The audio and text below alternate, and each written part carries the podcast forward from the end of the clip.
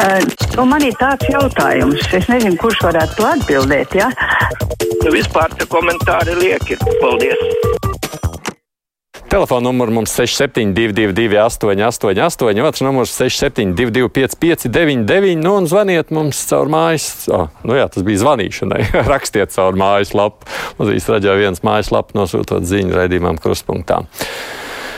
Uh, nu, te Emanuēls savukārt vēl domājot par izcinājumu meklējumiem, saka, Emanuēls saka, tā, ja jau brīvdienu var naktī izlemt, tad jau šo jautājumu taču līdz pusdienas laikam var izdarīt. Nu, šis, protams, ir krietni sarežģītāks tādā ziņā jautājums, kurā ir jāmeklē konkrēti risinājumi. Halo!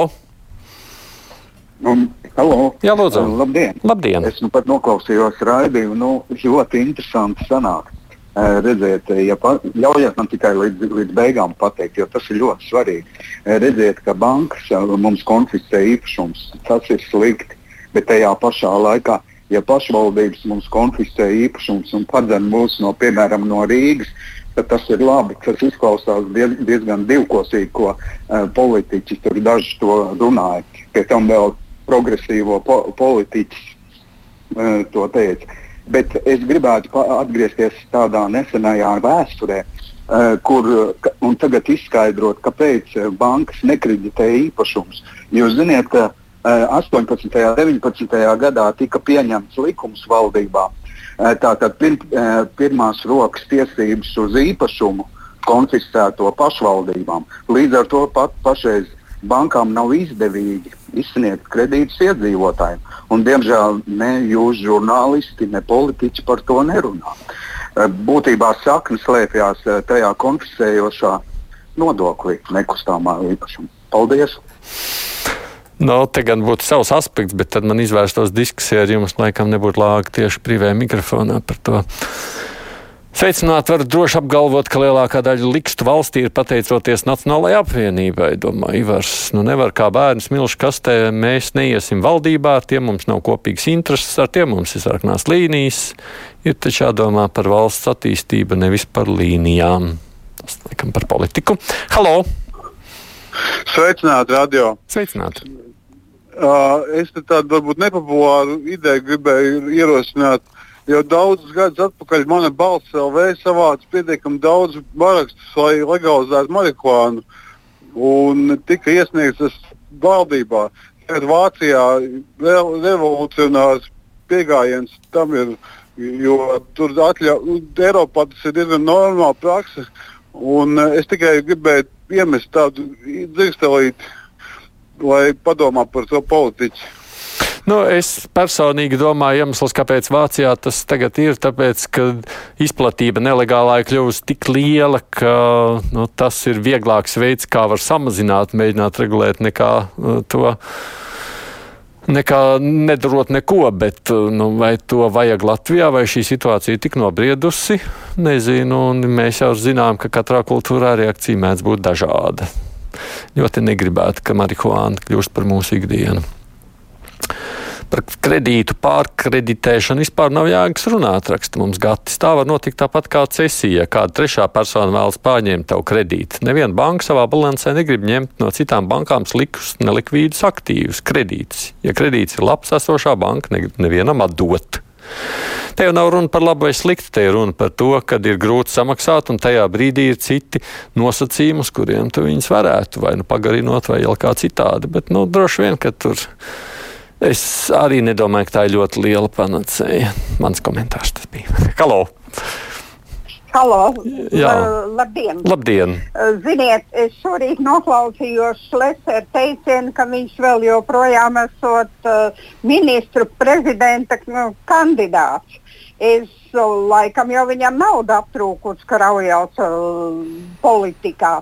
Es kaut kā neesmu dzirdējusi, ka viņš apvā, būtu atvainojies par saviem vārdiem pagājušā gada 17. februārī, kur viņš visu valdību un prezidentu nosauc par pajoliņiem un par provokatoriem, ka viņa prāt 99% karš ar Krieviju un Ukrainu nebūs, bet uh, uh, Latvijas valdība provocē uz karu.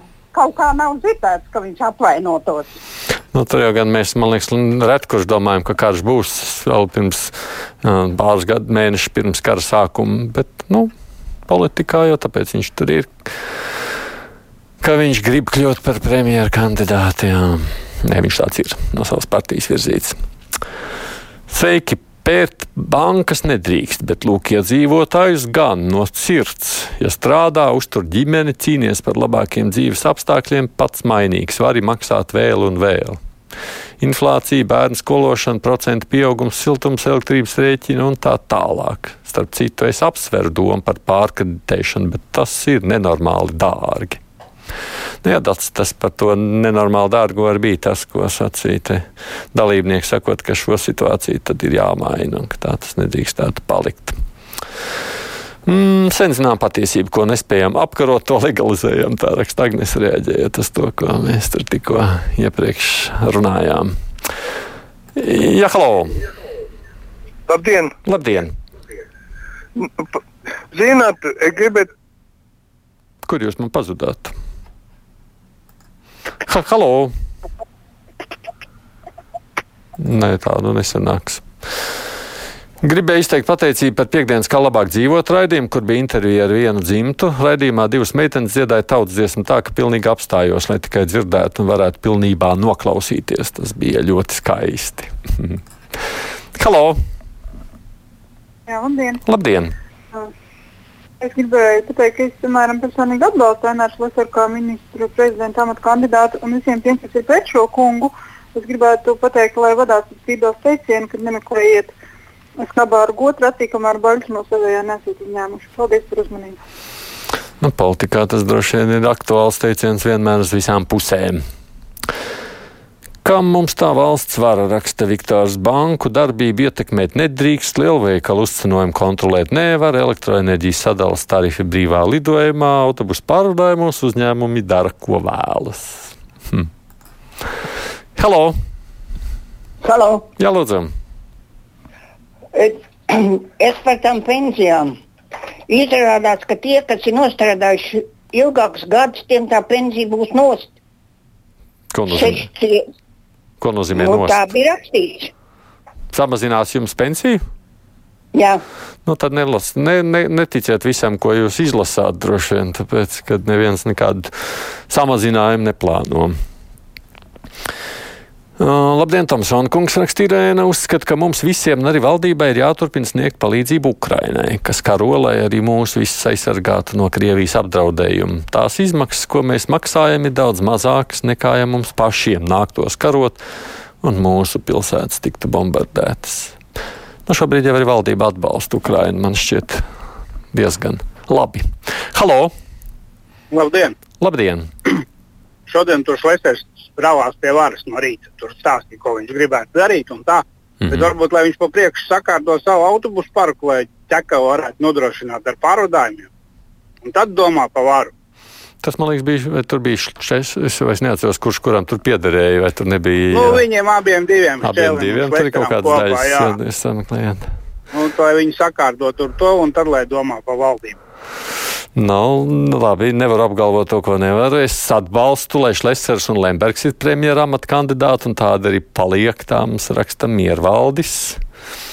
Savukārt Žavnerkungs raksta, man pārņem šausmas iedomājieties, ka izglītības ministrija nonāktu progresīvo rokās. Kādas tēmas tur ieviestu bērnu audzināšanā, sekas taču būtu katastrofālas.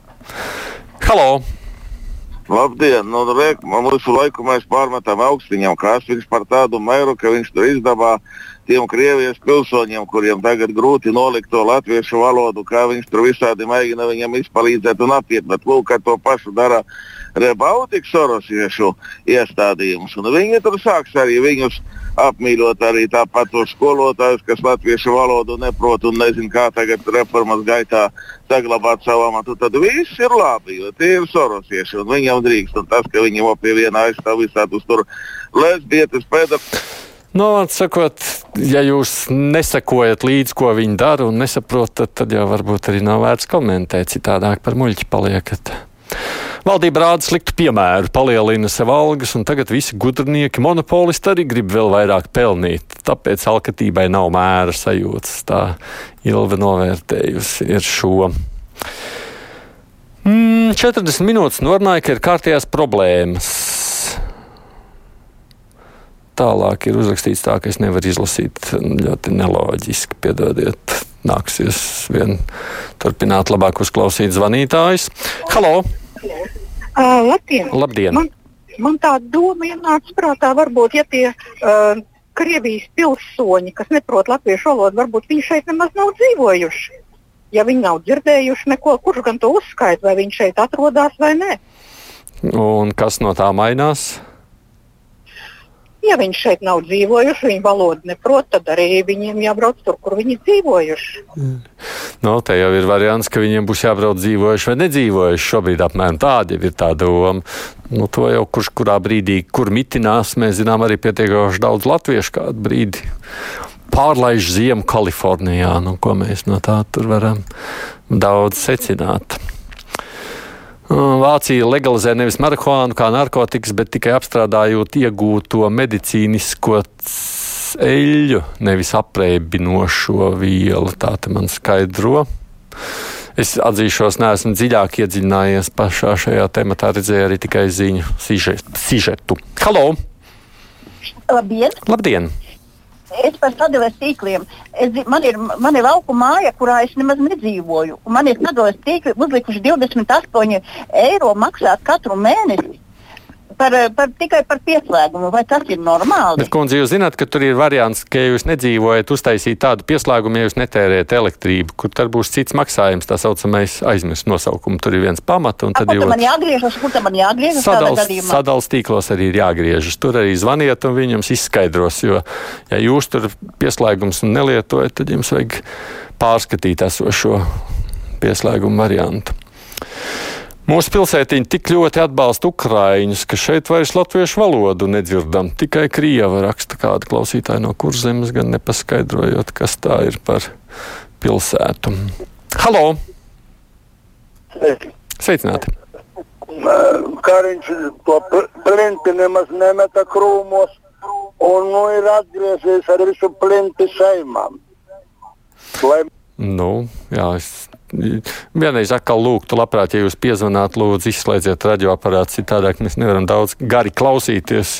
Jā, nu, viņš ir ievēlēts kā saimnes deputāts. Tādā veidā viņš arī kļuva par valdības vadītāju. Un te vēl ir diezgan daudz vēstuļu man arī par to, ko mēs runājām iepriekšējā sadaļā. Tagad veidojas jauns iedzīvotājs slānis, raksta viens klausītājs, kas būs mūžīgie īrnieki, jo lūk, viņi jau nevar atļauties paņemt kredītu. Un valstī vajadzētu drīzāk veicināt lēto mājokļu būvniecību. Tā mums raksta viens no klausītājiem. Tā šķiet, ka es varu arī to beigt. Vēl īsti tikai viens no vēstulēm, kas man raksta, vairāk nekā desmit gadus Eirobora likme bija negatīva.